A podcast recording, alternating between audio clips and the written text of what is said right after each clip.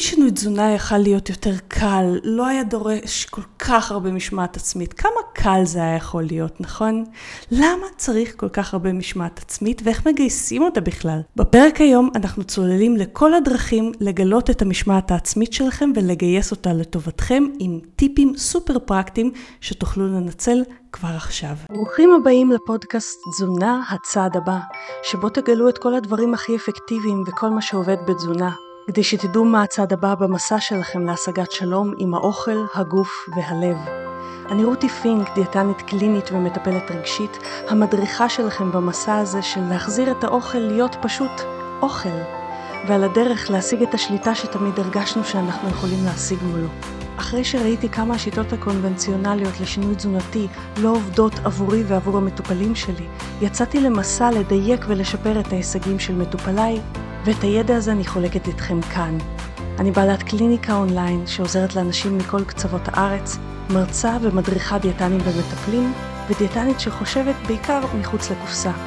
הדבר החשוב ביותר עבורי הוא לעזור לאנשים לשחרר את עצמם מהכבלים המיותרים באכילה ובחשיבה שלהם, שעוצרים אותם מלהגיע לשינוי שהם באמת מחפשים, וזאת תוך כדי השגת המטרות הבריאותיות והתזונתיות שלכם. ועכשיו לפרק. היי חברים, אני שומעת בלי הפסקה בקליניקה, אין לי משמעת עצמית, אין לי משמעת עצמית. זה משהו שאני לגמרי לא מסכימה איתו, לכולנו יש משמעת עצמית, והקלטתי בעבר כבר כמה פרקים על זה, אבל הפעם הזמנתי אליכם לא אחרת מאשר את משי חורב, שהיא מאמנת לניהול עצמי מאוזן, איזון בית עבודה, ניהול זמן אפקטיבי, התמדה בהרגלים ופיתוח משמעת עצמית. מה שמשי עושה זה לעבוד עם אנשים בדיוק על הגברת משמעת עצמית, על ניהול עצמי אפקטיבי, וכל אלה כל כך נוגעים באוכל, שלא יכולתי שלא להזמין אותה, לתת לכם כמה מהכלים והתובנות המעולים שלה. אז היי משי, תודה שבאת להתראיין אצלנו. היי hey, רותי, איזה כיף, כיף, כיף להיות פה. לגמרי.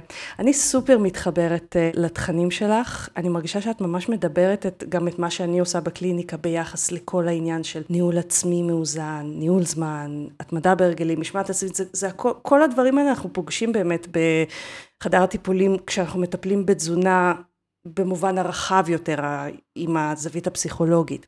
אבל בואי נתחיל באמת מההתחלה. מה זה אומר בעצם ניהול עצמי, הדבר הזה שאת מומחית בו? אז אה, קודם כל באמת אה, נעים מאוד וסופר סופר כיף להיות פה, ואני גם מאוד מאוד מעריכה את העשייה שלך. אני חושבת שאני הכרתי אותך, אני רק אגיד על זה מילה. אני הכרתי אותך אה, מהנושא של אה, צום לסירוגין, אני קוראת לזה חלונות אכילה, מהקבוצת פייסבוק שלך הנהדרת והתשובות שאת נותנת שם שהן מדהימות ומעשירות. למי שלא מכיר, קבוצת צום לסירוגין בפייסבוק, פשוט איך ששומעים את זה.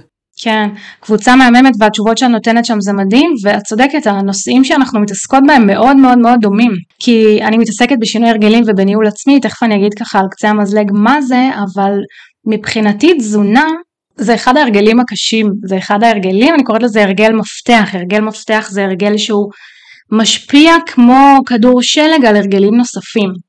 כלומר זה לא להתחיל לקרוא ספרים או, או להיות פחות בטלפון או, או דברים כאילו הרגלים שהם על פניו קצת יותר קטנים, תזונה זה חתיכת הרגל ענק.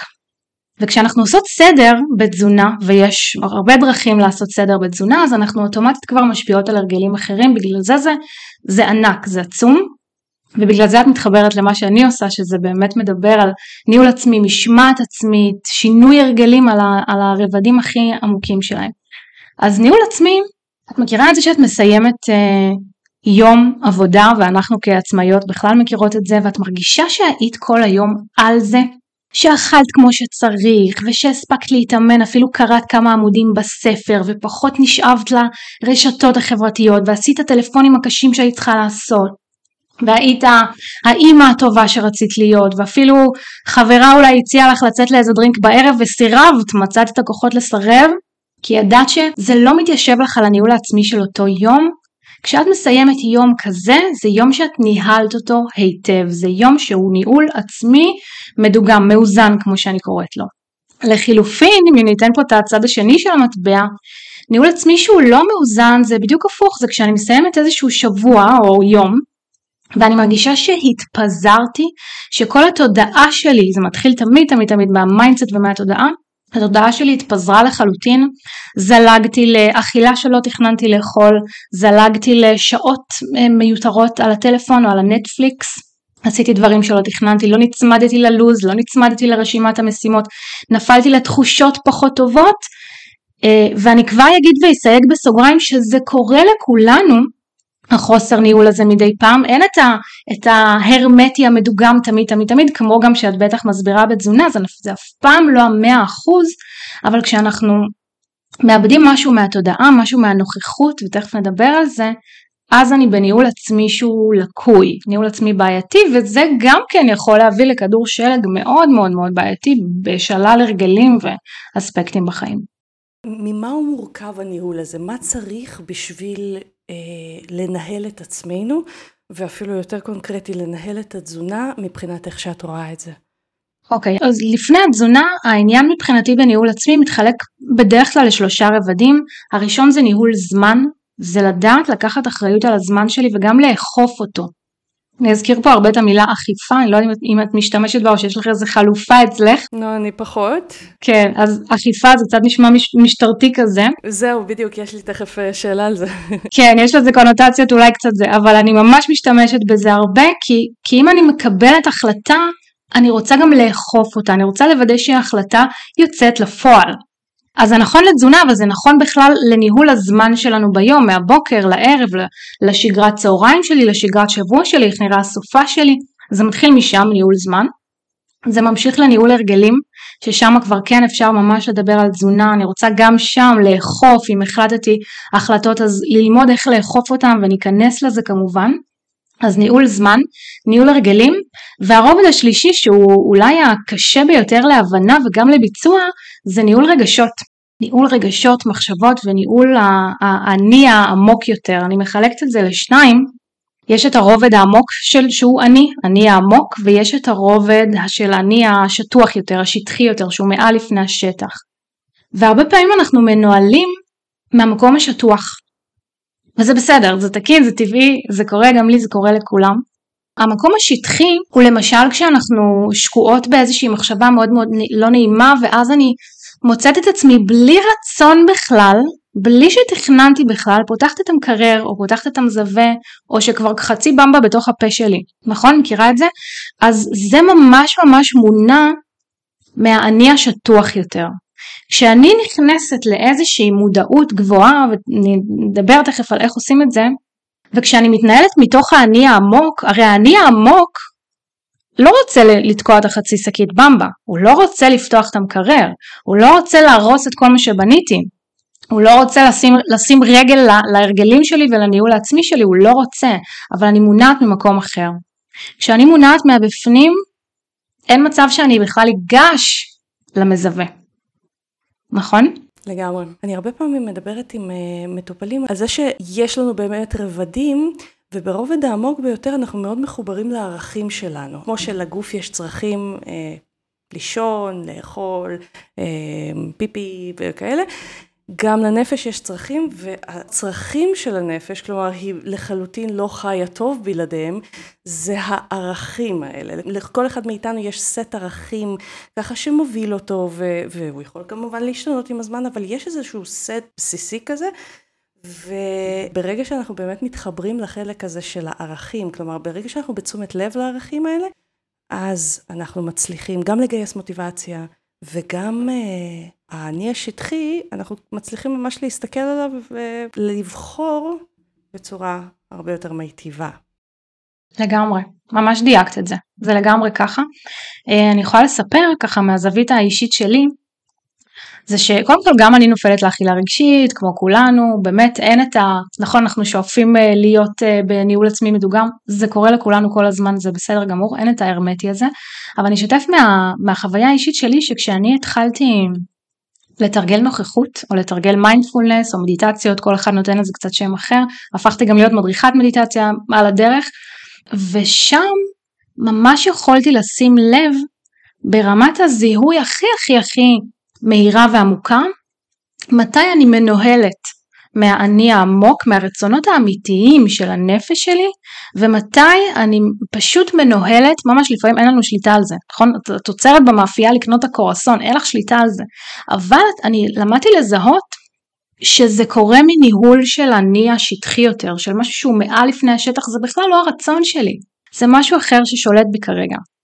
עכשיו כשאני מתחילה לזהות את זה, וזה גם כן כמובן עניין של תרגול, אבל כשאני מתחילה לזהות מאיפה אני מנוהלת, כבר שם, עוד לפני שעשיתי שום דבר פרקטי, עוד לא השתמשתי בשום טיפ, שום דבר, כלום, לא עשיתי שום פעולה, רק מעצם זה שהחזרתי את הנוכחות, רק זיהיתי. מי מנהל אותי עכשיו? משהי שרוצה את הדברים העמוקים האלה, משהי שממש ממש רוצה בצורה מודעת את הקורסון, או משהי שעכשיו המוח שלה חייב שנייה להימחק על איזה קורסון, ו- ולתת לעצמי את המפלט הזה, וכשאני מזהה, כבר אני יכולה לנהל את זה יותר טוב. עוד לפני שעשיתי כלום, כבר אני יכולה לנהל את זה יותר טוב. ממש עניין של מודעות ושל נוכחות, ממש. כן, לגמרי. כל מה שאת מדברת, כל הדבר הזה של אה, להיות מנוהלת על ידי מה שאני באמת רוצה, וכל היום הזה הולך לי טוב, ואני קשובה וזה, זה נשמע אולי כמו משהו שדורש המון הכרחה, המון החזקה. בואי נדבר על זה רגע. בואי, כי בואי. מהניסיון שלי בקליניקה, כשאנחנו דווקא משחררים שליטה, ומנסים פחות לאכוף, ויותר מקשיבים למה שעולה, שם אנחנו מפחיתים את כמות האכילה הרגשית שלנו, שם אנחנו יותר רגועים, שם אנחנו פחות צורכים כוחות נפש, והכל בא לנו בהרבה יותר שלום. אז בואי ככה נבהיר את העניינים אה, למאזינים שלנו בנושא הזה. כן, אני ממש מתחברת ואני רוצה גם להביא דוגמה מוחשית. אני רוצה לספר למה אני התחלתי לאכוף ולמה אני התחלתי בכלל להתנהל בצורה כזאת של ניהול עצמי, של, של הרגלים. לא אגיד שזה לא היה שם לפני זה, זה היה, אבל זה באמת היה, אולי, אולי הרגיש לי יותר כהכרח, כמו שאת מתארת, זה הרגיש לי כבד. זה הרגיש לי כבד, זה הרגיש לי תיק שלם לנהל את החיים האלה, לנהל משימות. זה קשוח, זה פרויקט בפני עצמו, איך אני יכולה גם להיות זה וגם להיות אימא וגם שיהיה לי עסק.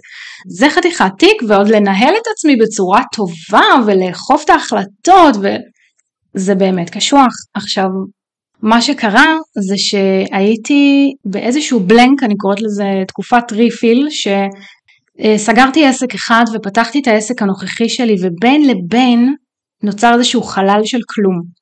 נוצר חלל שבאמת שח... יכולתי לשחרר, יכולתי ממש להרים ידיים, להרים רגליים ויכולתי רגע לשחרר, עזבי את הגוף, את התודעה. יכולתי ממש לנוח רגע על, לא על זרי הדפנה כי לא היו שם, אבל יכולתי רגע באמת לשחרר. ומתוך המקום הזה של השחרור, כמו שאת עכשיו אמרת, שדווקא כשאנחנו משחררים, פתאום הדברים שאנחנו באמת באמת רוצים צפים לפני השטח, פתאום אני יכולה לראות אותם הרבה יותר בבירור. אני זוכרת אפילו שבאותה תקופה ממש הרגשתי, היה לי מין דימוי כזה שחזר על עצמו כל הזמן, שאני מרגישה כאילו נפתח לי איזשהו מסך עשן, כאילו זה ערפל זז לי. ושמה כל ההתנהלות היומיומית שלי, כולל תזונה דרך אגב, התחילה פשוט להשתנות. כשאני שחררתי את עצמי, במקרה הזה זה היה שחררתי את עצמי מלעסוק במשהו, הייתי באיזה חודשיים של כזה בין לבין, אבל כשאני שחררתי את עצמי תודעתית מההכרח לעשות דברים, להתנהל בצורה טובה, לעשות משימות, לבצע, לאכוף את ההחלטות שלי, כששחררתי את זה, פתאום נכנס, נכנסה שם איזושהי כלילות, נכנסה איזושהי כלילות לביצוע ומאותו זמן כבר העסק החדש כבר קיים וח, וחי והכל מהמם וכל המשימות נוספו ונוספו ואני כבר כן באיזשהו לוז מאוד מאוד אה, צפוף. ועדיין כשיש לי איזושהי תחושה שאני מתפזרת אני מחזירה את עצמי ממש לשם, אני מחזירה את עצמי לבלנק הזה שאני לא חייבת כלום. רגע, אני לא חייבת כלום, אני יכולה שנייה לייצר חופש בראש שלי, ממש, אני ממש יכולה לייצר את זה רגע, וזה לא מחייב, אני מבינה את ה... אולי איזושהי רתיעה מהמילה מדיטציה, או זה, זה לא מחייב בכלל, בכלל, בכלל. פשוט לייצר רגע איזשהו חופש בראש, בתודעה, ומשם לראות שהדברים מתחילים לצוף. מה זאת אומרת הדברים מתחילים לצוף? אני מתחברת לאני הפנימי הזה שדיברנו עליו, לרובד העמוק יותר, זה שיודע מה לעשות ולא צריך את האכיפה המשטרתית המטורפת, זה שפשוט יודע מה לעשות. אז נכון, לפעמים אני אה, נעזרת באכיפה, לפעמים אני נעזרת ברובוטיזם, שזה טיפ פרקטי שאולי תכף אני אתן, אני נעזרת בדברים כדי לשמור על עצמי על המסלול ולא להתפזר יותר מדי. אבל כשאני קולטת שאני זולגת לגמרי, אני יודעת שזה הזמן רגע להוריד אה, את כל הרגליים מכל הגז, מכל הגז שקיים, ולחזור לעצמי, פשוט לחזור לעצמי, וזה עובד. אני מאוד מאוד מתחברת לזה אה, מהמקום הזה של אה, תזונה. כי הרבה פעמים אכילה רגשית, שאני שנייה למי ששומע אותנו פעם ראשונה, רק אגדיר, זה מבחינת איך שאני מסתכלת על זה, כי יש כמה הגדרות לאכילה רגשית, כל אכילה שהיא לא מתוך קשיבות לרע ושובע. בין אם זה כי אנחנו לא שמים לב לרע ושובע, או לא יודעים לזהות רע ושובע, או כי אנחנו שמים לב ולא אכפת לנו. כי משהו אחר מבקש את זה. אז כשאני מדברת על טיפול באכילה רגשית, הרבה אנשים אומרים, אני רוצה להפסיק לאכול רגשית. וברגע שאנחנו מפסיקים להסתכל על אכילה רגשית כבעיה, ומתחילים להסתכל עליה כסימן, סמן, סמן שהתרחק מהמקום הפנימי הזה שבו אנחנו מונעים מתוך מה אני באמת רוצה, מה חשוב לי, למה אני צריך לעשות. כשאנחנו מתרחקים מזה, יש כאילו מין ואקום שנשאר. הנפש שלנו מחפש את היישום הזה של, רגע, אבל איפה אני, מה שאני רוצה לעשות, ואנחנו מנסים בוואקום הזה להכניס את האכילה הרגשית. זה אחת הסיבות לאכילה רגשית, זה הן הסיבות היותר עמוקות לאכילה רגשית. יש כמובן גם אה, סיבות יותר על פני השטח לאכילה רגשית, אבל כך או כך, אני הרבה פעמים מזמינה את המטופלים להתחיל לשים לב לזה כסמן.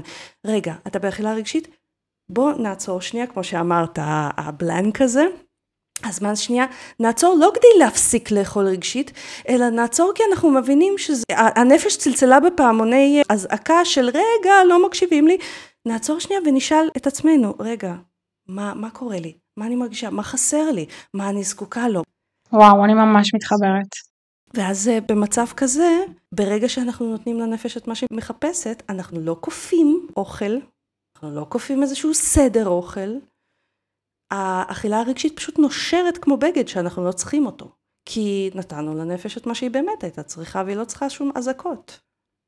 אז ביחס לזה זה מחזיר אותנו באמת גם לעניין של הניהול עצמי. ניהול עצמי, ואת מדברת על זה וגם אני מדברת על זה, זה איזשהו מקום שבו אנחנו מצליחים לנהל את הצרכים שלנו, את הרוצה שלנו, את מה אני רוצה באמת, וליישם אותנו. ובעולם המערבי זה כל כך קשה בתור אימא לשני ילדים, בתור בעלת עסק, אישה ועוד ועוד אה, כל המעגלים, זה כל כך קשה להתחשב בזה, והחברה כל כך לא מעודדת אותנו לעשות את זה.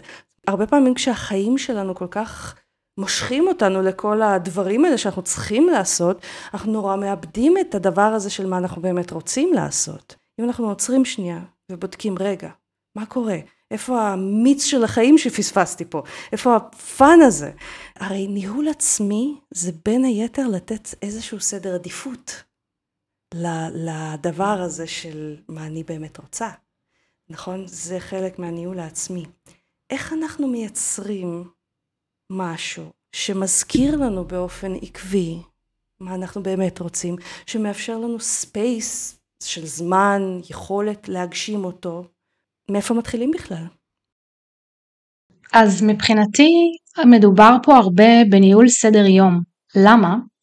כי כשאני מארגנת לעצמי איזשהו סדר יום שבו אני לא על הקשקש, אלא יש לי חלונות בין משימה למשימה או בין פגישה לפגישה, יש לי צ'אנס לחזור רגע אל, אני, אל האני העמוק ולהיזכר בזה שאה רגע לא שתיתי היום שלוק מים אחד כדאי לקום למטבח לעשות כוס מים. ואנחנו אפילו לא מדברים על אני נורא עמוק ופילוסופי ופסיכולוגי וזה. זה אני עמוק ברמה של רגע, יש לי גוף, יש, יש לו צרכים, זה גם חלק מהאני שלי. לגמרי, לגמרי.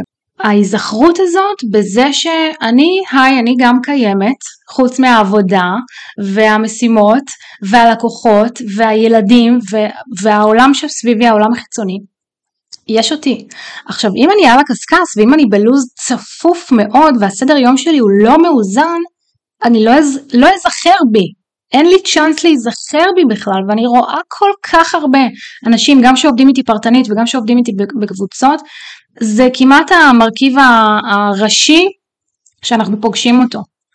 לאנשים אין זמן לזכור את עצמם וכשאנחנו לא רואים, אנחנו לא רואים אותנו, אנחנו לא זוכרים אותנו אז שם אנחנו מתחילים את ההידרדרות הזאת במדרון החלקלק הזה.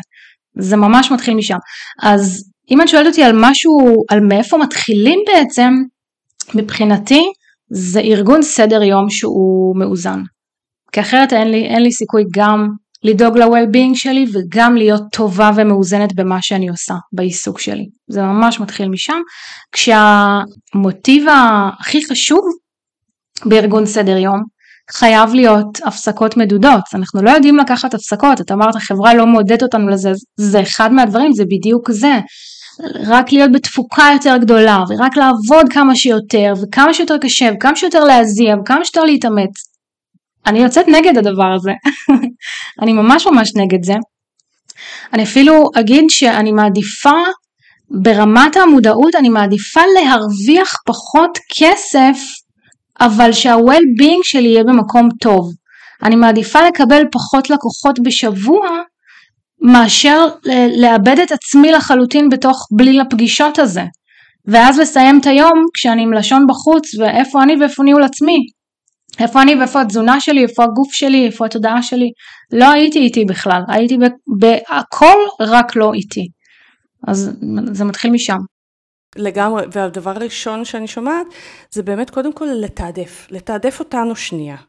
כשאנחנו מנסים ליצור איזשהו ניהול עצמי, שאנחנו לא נלך לאוכל כדי לפצות על דברים שחסרים לנו בנפש, אנחנו צריכים שנייה לתעדף, לת... להגיד, אוקיי, זה בסדר גמור לתת לעצמי זמן, אולי אפילו על חשבון דברים שנראים לנו עכשיו נורא חשובים, כמו להרוויח יותר כסף ודברים כאלה, כי בסופו של דבר אם יהיה לנו את הכסף הזה אבל לא יהיה לנו את עצמנו ואנחנו נהיה שחוקים עם הלשון בחוץ אז האם באמת הרווחנו כמו, ש...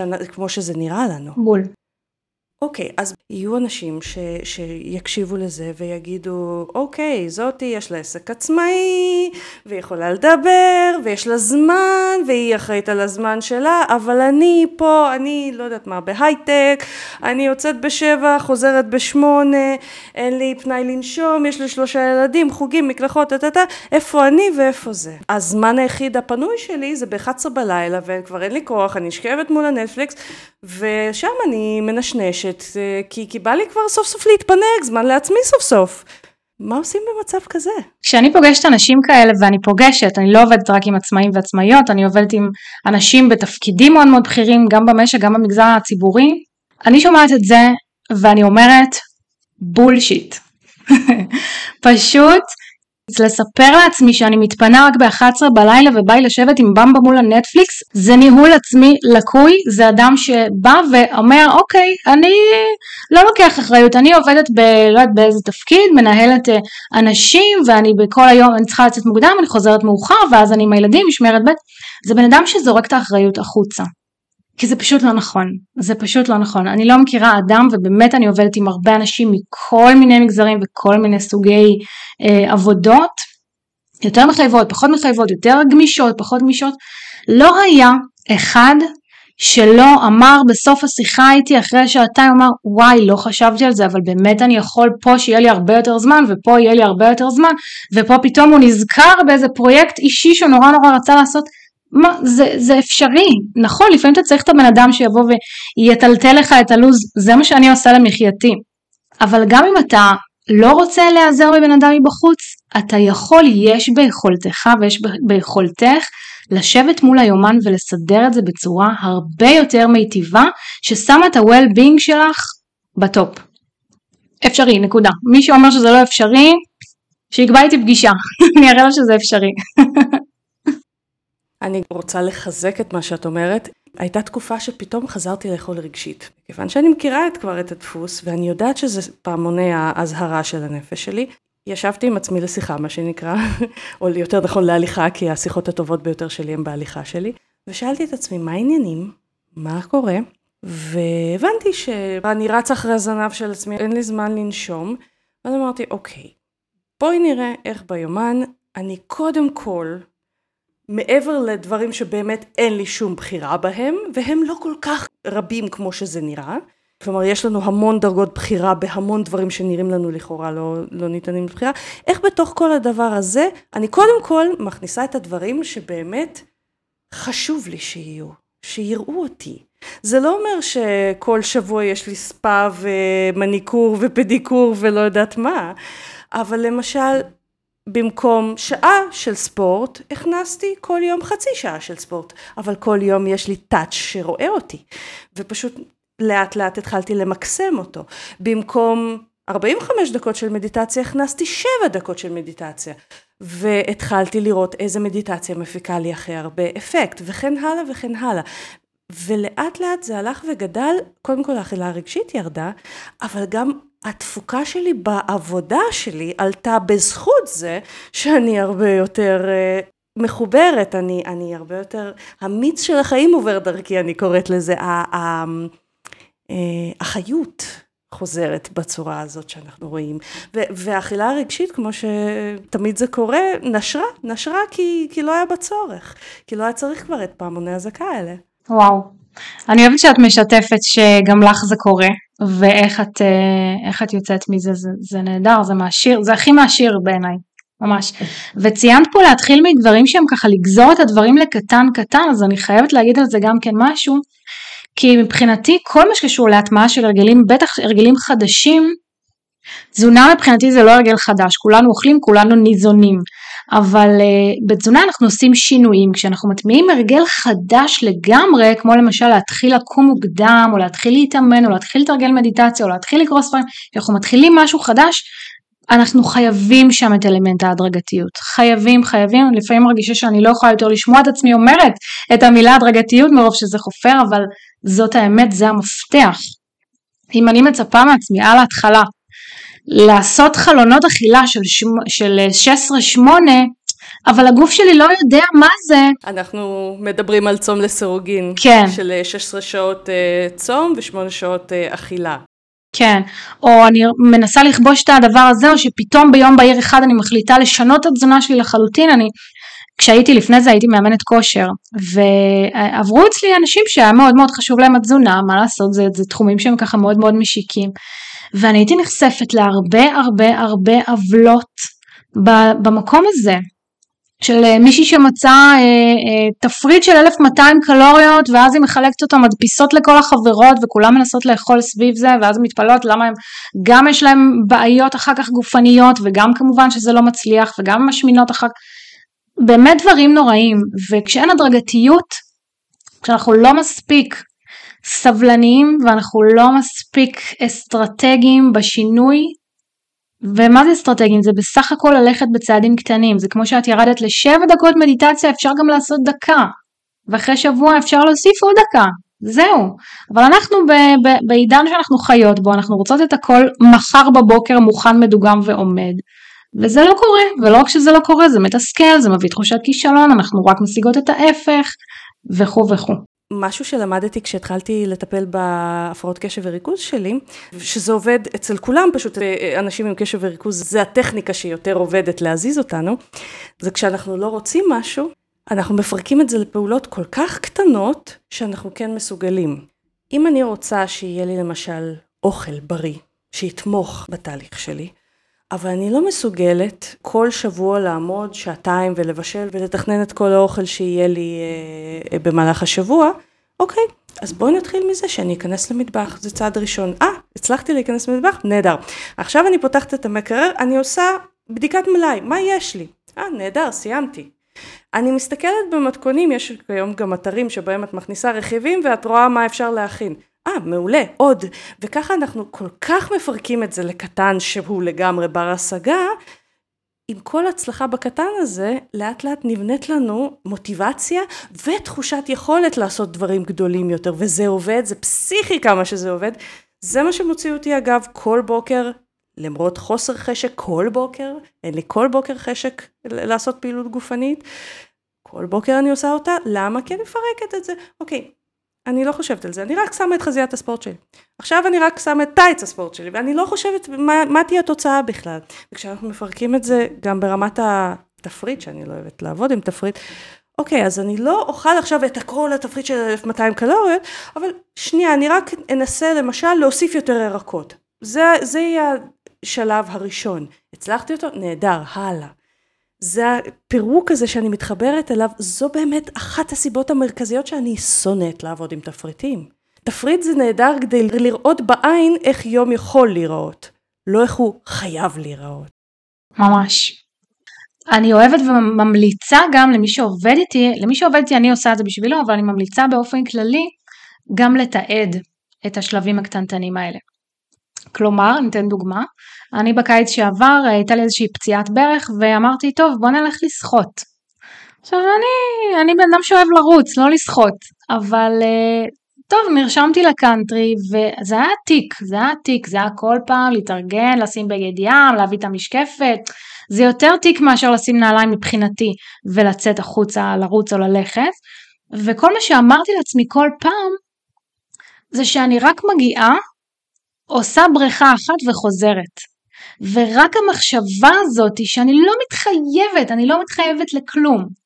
אני באה, עושה את הטקס, גם טקסיות זה הרבה עניין פה, אני עושה את הטקס, שמה עליי את הבגדים, נוסעת, עושה בריכה וחוזרת, ורק המחשבה על זה כל כך כל כך עודדה אותי, על, ה, על הנקודת יציאה הזאת שיש לי, יש לי נקודת יציאה.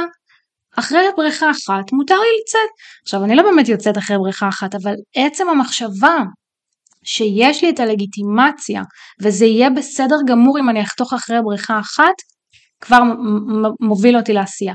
עכשיו גם עם, ה, עם האימונים שלך בבוקר זה לגמרי ככה, אחד הדברים שאני אה, מתעסקת בהם הרבה זה לקום מוקדם ולצאת מהבית בהכרח דבר ראשון כי זה מאוד מאוד מאיר את הגוף ואת התודעה. ואני תמיד ממליצה לצאת מהבית על הבוקר ברובוטיזם שתכף אני אכנס לזה לדקה, לעשר שניות אם צריך, לצאת למרפסת, לצאת שנייה ללמטה של הבניין להיות עשר שניות באוויר של הבוקר ולחזור הביתה. ממש להתחיל משם. עכשיו מה שהתחלתי להגיד זה שאני אוהבת לעשות תיעוד של הסולם שינויים הזה אני קוראת לזה. זה יכול להיות באקסל, זה יכול להיות מחברת, זה יכול להיות לא משנה במה. לכתוב את הסולם הקטנטן שטיפסתי השבוע, את המדרגה בסולם. Uh, למשל יום ראשון יצאתי החוצה לעשר שניות. יום שני הייתי בחוץ דקה וחצי. ליטפתי איזה כלב. יום שלישי כבר הלכתי קילומטר מסביב לבלוק. ככה אני רוצה לעקוב אחרי זה, אולי לא עם יציאה מהבית, אבל כן על אימונים, כן על תזונה, כן על השכמה מוקדמת.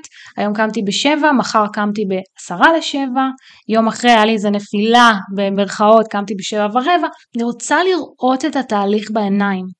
אנחנו אנשים, רובנו, 80 ומשהו אחוז מהאנשים, אנחנו אנשים ש, שלומדים הרבה מלראות.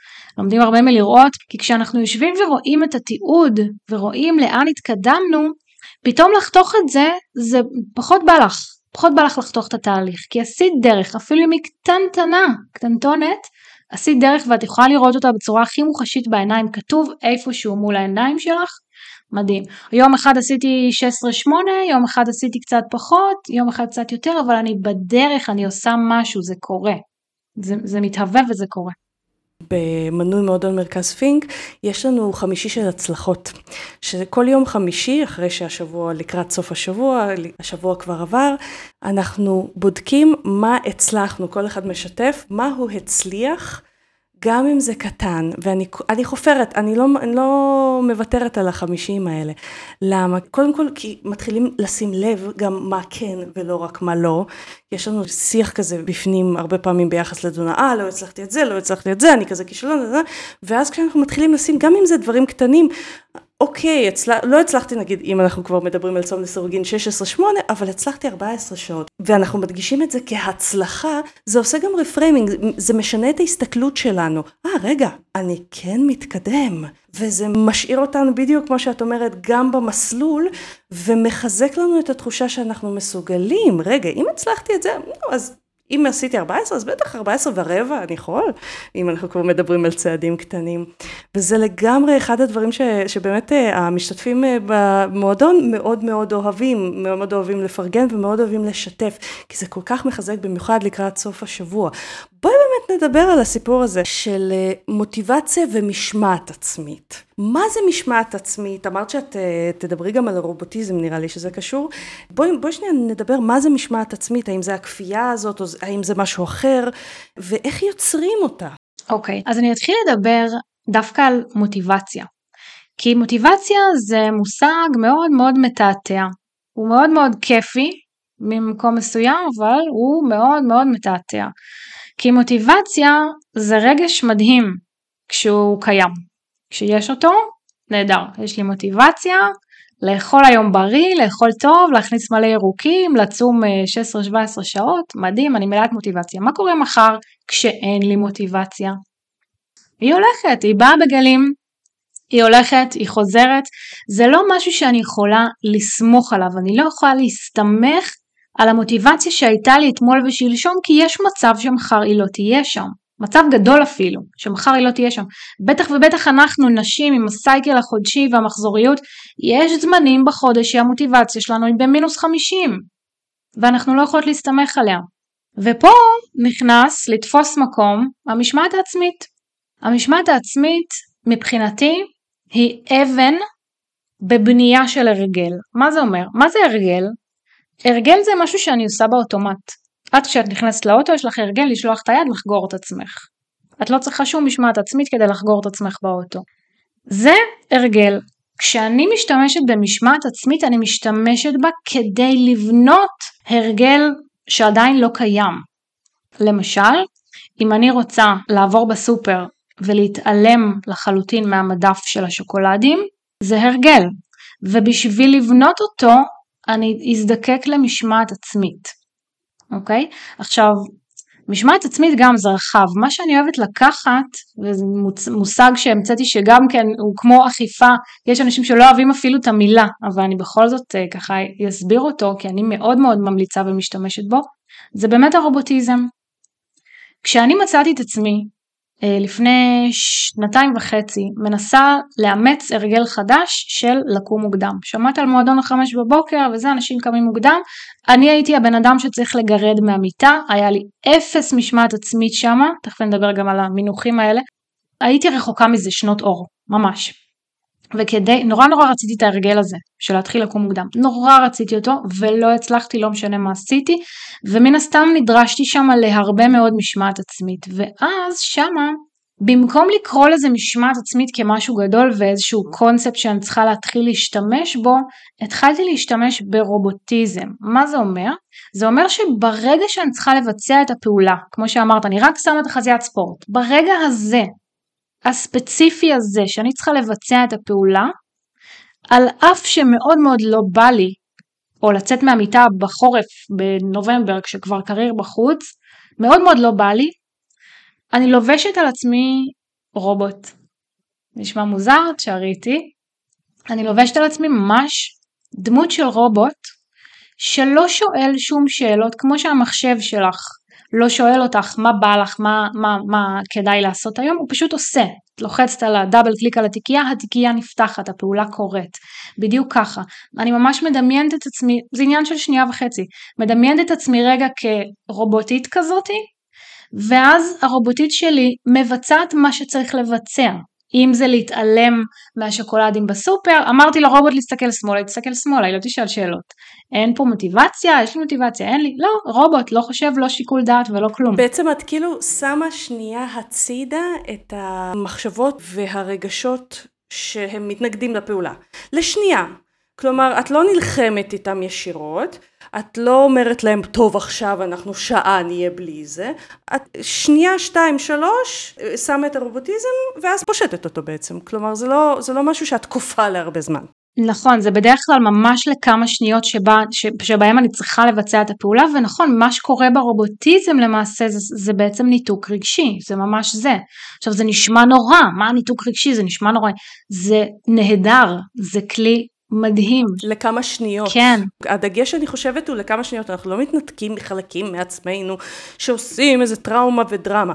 זה לכמה שניות ואז אנחנו חוזרים לגמרי, אבל אנחנו חוזרים כבר עם הישג. נכון, אנחנו לא רק חוזרים עם הישג, אלא אני, אני, כשאני עושה את זה כל יום, השתמשתי בזה המון ספציפית בלנסות לקום מוקדם, ואז הרובוט שלי מצליח לקום מוקדם, והוא מצליח גם מחר, והוא מצליח גם מחרתיים, ואז אני פחות נזקקת לו. ככל שעוברים הימים, מה קורה? נוצר הרגל. הולך ומתהווה לו הרגל, ואז אני פחות צריכה את הרובוט הזה.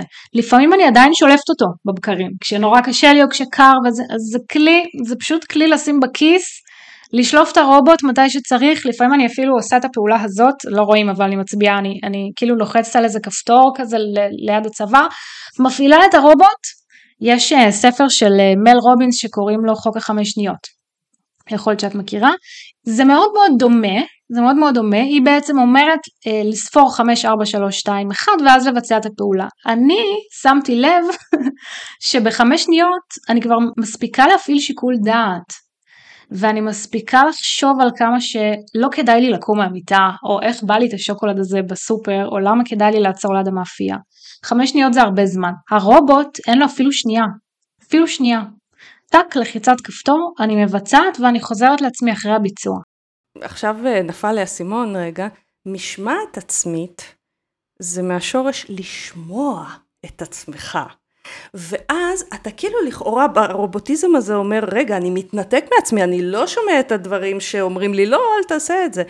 אבל בעזרת הרובוט, את מגיעה בעצם למקום שבו את מיישמת בחיים שלך את מה שהוא ברמות העמוקות בדיוק עצמך. אם לך היה חשוב לצורך העניין אה, לקום בחמש בבוקר, שש בבוקר, ווטאבר, וזה תרם מאוד לחיים שלך, וזה היה מאוד מאוד מיושר עם החלק הפנימי הזה ועם הערכים האלה, אז הרובוטיזם, הניתוק הקצרצר הזה, עושה בדיוק את זה. זה נורא מזכיר לי אנשים שנגיד מתים לעשות קביצת בנג'י ודברים כאלה, ויש איזה שנייה, שתיים, שלוש, שבהם הם צריכים להפעיל בדיוק את החוסר שיקול דעת הזה, את, ה, את הרובוטיזם הזה, להיות, להתנתק שנייה מהפחד ולהעז, ואז הם חוזרים לעצמם והם כבר בחוויה והם שם והם עשו את מה שהם חלמו עליו. הרובוטיזם, כמה שזה נשמע, הניתוק הזה מאפשר את השמיעה העצמית הזאת שיוצרת את המשמעת העצמית. ממש ממש ממש. אז זה כלי שאני ממש ממש ממליצה להשתמש בו, לפחות לנסות לתרגל אותו, כי זה גם כן כמובן עניין של תרגול, אנחנו לא, אולי לא כל כך מצליחים להבין איך ללבוש את הרובוט, אבל זה הכל אה, קורה בדמיון וזה ממש עניין של כמה שניות. וממש אה, לדמיין כאילו נכנסתי לאיזה רובוט ואני הולכת לבצע. אני הולכת לנסות את זה. ומה עם האנשים האלה שאומרים, אין לי משמעת עצמית, יש לי אפס משמעת עצמית. אני אישית לא מאמינה להם, אני יודעת שגם את לא, אבל תספרי לי קצת יותר. אז יש פה הרבה אה, אלמנט של שינוי השפה. זה גם כן משהו שאני מאוד מאוד מאוד מדגישה בתהליכים שלי, כי משפטים כמו יש לי אפס משמעת עצמית, או אני בן אדם חלש, אה, הקורסון חזק ממני, אני לא יכולה לעמוד בזה, זה משפטים שמנציחים את עצמם הרי, זה משפטים שאנחנו הטמנו כל כך כל כך עמוק, שהם מייצרים את עצמם אחר כך. את באמת. נהיית יותר חלשה כשאת מספרת לעצמך שאת נורא נורא חלשה. ולא, אין אדם שאין לו משמעת עצמית, זה לא נכון עובדתית, זה לא נכון. אנחנו יכולים לייצר את זה, זה יכול להיות בעזרת רובוטיזם, זה יכול להיות בעזרת כלים אחרים, אבל אנחנו יכולים לייצר את זה כמו שריר שמחזקים בחדר כושר, אפשר לחזק את שריר המשמעת העצמית, ושוב, לזכור שהמשמעת העצמית לא, זאת לא המשימה, זה לא המישן, זאת לא המטרה. המשמעת העצמית הוא אבן שבונה הרגלים בסופו של דבר. כשאני רוצה לעשות דברים שהם קשים ומאתגרים לי ברמת הרצון, אז שם אני אה, אשתמש באבן, בלבנים האלה של המשמעת העצמית. אני לא, זאת לא המטרה שלי. ולכן אין אפילו סיבה להתעכב על זה, או לספר לעצמי שאין לי, שיש לי. פשוט לכבוש את הדבר הזה כשהמטרה היא ההרגל או השינוי הזה שאת רוצה לעשות, אם זה שינוי בתזונה או כל שינוי אחר, ולהיעזר בזה כעזר ולא כמטרה סופית. ומשמעת עצמית מביאה אותנו באמת להתמדה. ועכשיו באמת ברמה אולי יותר אישית, אם זה בסדר לשאול, איך את מתמידה בתזונה, בפעילות גופנית, באורח חיים, בניהול שלך? אז אני, אני אענה בהקשר של תזונה, כי זה מה שהכי מעניין פה נראה לי, ואני אודה ואתוודה שתזונה זה אחד ההרגלים שאני מוצאת הכי קשים להתמדה ובכלל לניהול, לא שלא אפשרי, הכל אפשרי, הכל בתהליך, אבל זה באמת אחד הקשים, כמו שאמרתי בתחילת השיחה שלנו זה הרגל מפתח, זה הרגל שאם אני מצליחה לעבוד עליו בצורה יומיומית אז הוא משפיע בצורה מאוד מאוד יפה גם על הרגלים אחרים, הרגלי תמך שיש מסביבו, אז זה הרגל מאוד מאוד מאוד משמעותי. מה שאני שמתי לב בתזונה ובכלל זה שהשיתוף הוא קריטי. מה זה השיתוף? זה לעשות את הדברים עם עוד אנשים. אני יכולה לספר ברמה האישית שבחצי שנה האחרונה אולי אפילו שבעה חודשים כבר מינואר בעצם, אני משתפת אה, יומני אכילה עם חברה טובה שלי. את מכירה את האפליקציה See How You Eat שמצלמים את, ה, את האוכל? זו אפליקציה סופר פשוטה שפשוט היא מחולקת למין גריד יומיומי כזה. את אפילו לא מצלמת במצלמה שלך, את מצלמת באיזושהי מצלמה שהיא מתוך האפליקציה ואת יכולה לכתוב במשפט אה, מה היה פה בצלחת, מה אכלתי ואז השוס באפליקציה הזאת זה, שאפשר לשתף את כל הגריד הזה מישהו אחר בוואטסאפ, פשוט הגריד נשלח as is ופתחנו לעצמנו קבוצה, רק אני והיא, ואנחנו כל יום שולחות אחת לשנייה מה אכלנו, גם אם יש נפילות וגם אם יש שם אה, גלידה שלא תכננתי אותה בכלל, וגם הכל הכל הכל משתפות, וזה כשלעצמו עושה הבדל משמעותי. שוב, אני חושבת שתזונה זה הרגל קשוח, באמת לא סתם הרבה אנשים נאבקים בדבר הזה, לא סתם, באמת שזה קשוח, זה משהו כל כך כל כך יומיומי. וגם כל כך נוגע בהמון דברים, גם גוף. גם נפש, גם חשיבה, גם רגש, גם uh, סדר כן, יום, סדרי נכון, עדיפויות. נכון, ניהול עצמי, הפסקות, הכל הכל, באמת, באמת הוא יושב על הרבה דברים, באמת מאוד מאוד מאתגר. אז, אז אני נעזרת שם א' בשיתופיות הזאת, זה מגניב, זה כיף, אני יכולה אפילו להגיד שהייתי בחו"ל והמשכתי לשלוח לקבוצה שלנו, זה כל כך עזר לי, זה כל כך שמר לי על, על מסגרת מהמם ומגניב.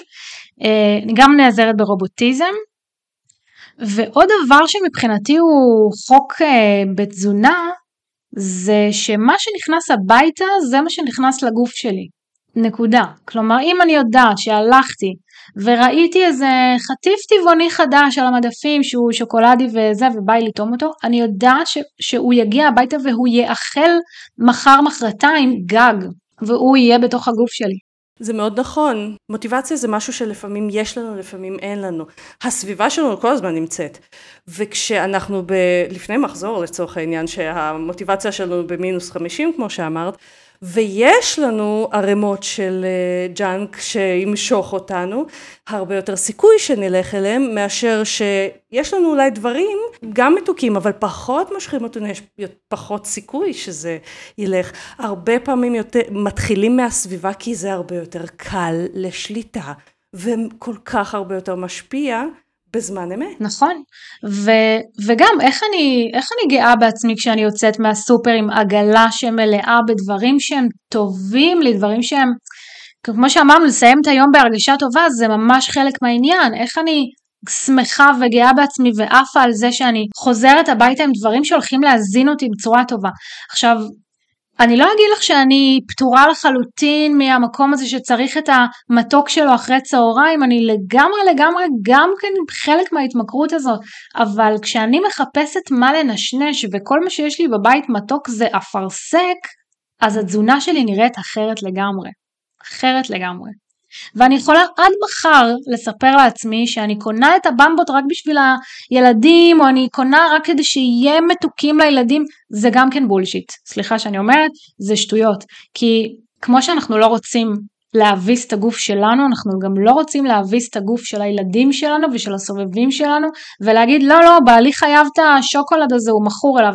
לא, תעשי לו טובה ענקית, לשניכם, לבית, ל-well-being שלכם, תפסיקי לרכוש את הדבר הזה. חד משמעית. אז בעצם מה שעוזר לך בתוך הסיפור של התזונה זה אני בטוחה, קודם כל ניהול עצמי וניהול רגשי טוב וניהול של זמן וניהול של סדרי עדיפויות בצורה שאת קודם כל לא נשחקת, שאת לא כל הזמן בטודו טודו טודו טודו ולא שמה לב לעצמך, את בשמיעה עצמית ולכן זה מייצר משמעת עצמית. את נעזרת ברובוטיזם גם, את משתפת אחרים, לי זה נורא עובד עם חברה טובה שלי במדיטציות, אנחנו בזכות זה מתמידות במדיטציות, מתחברת, והסיפור הזה של ניהול הסביבה התזונתית שלי, מה שאני מכניסה הביתה, לגמרי. משי, אני חושבת שיצאנו עם הרבה טיפים טובים, אני ממש סקרנית על הרובוטיזם ואני אנסה אותו, ואני אדבר לכם בעזרת השם בפרק הבא. מי שרוצה יותר להעמיק בתכנים שלך, להכיר אותך יותר, איפה הוא יכול למצוא אותך? בגדול אני בכל מקום. יצא ככה שאני באמת uh, בכל מקום.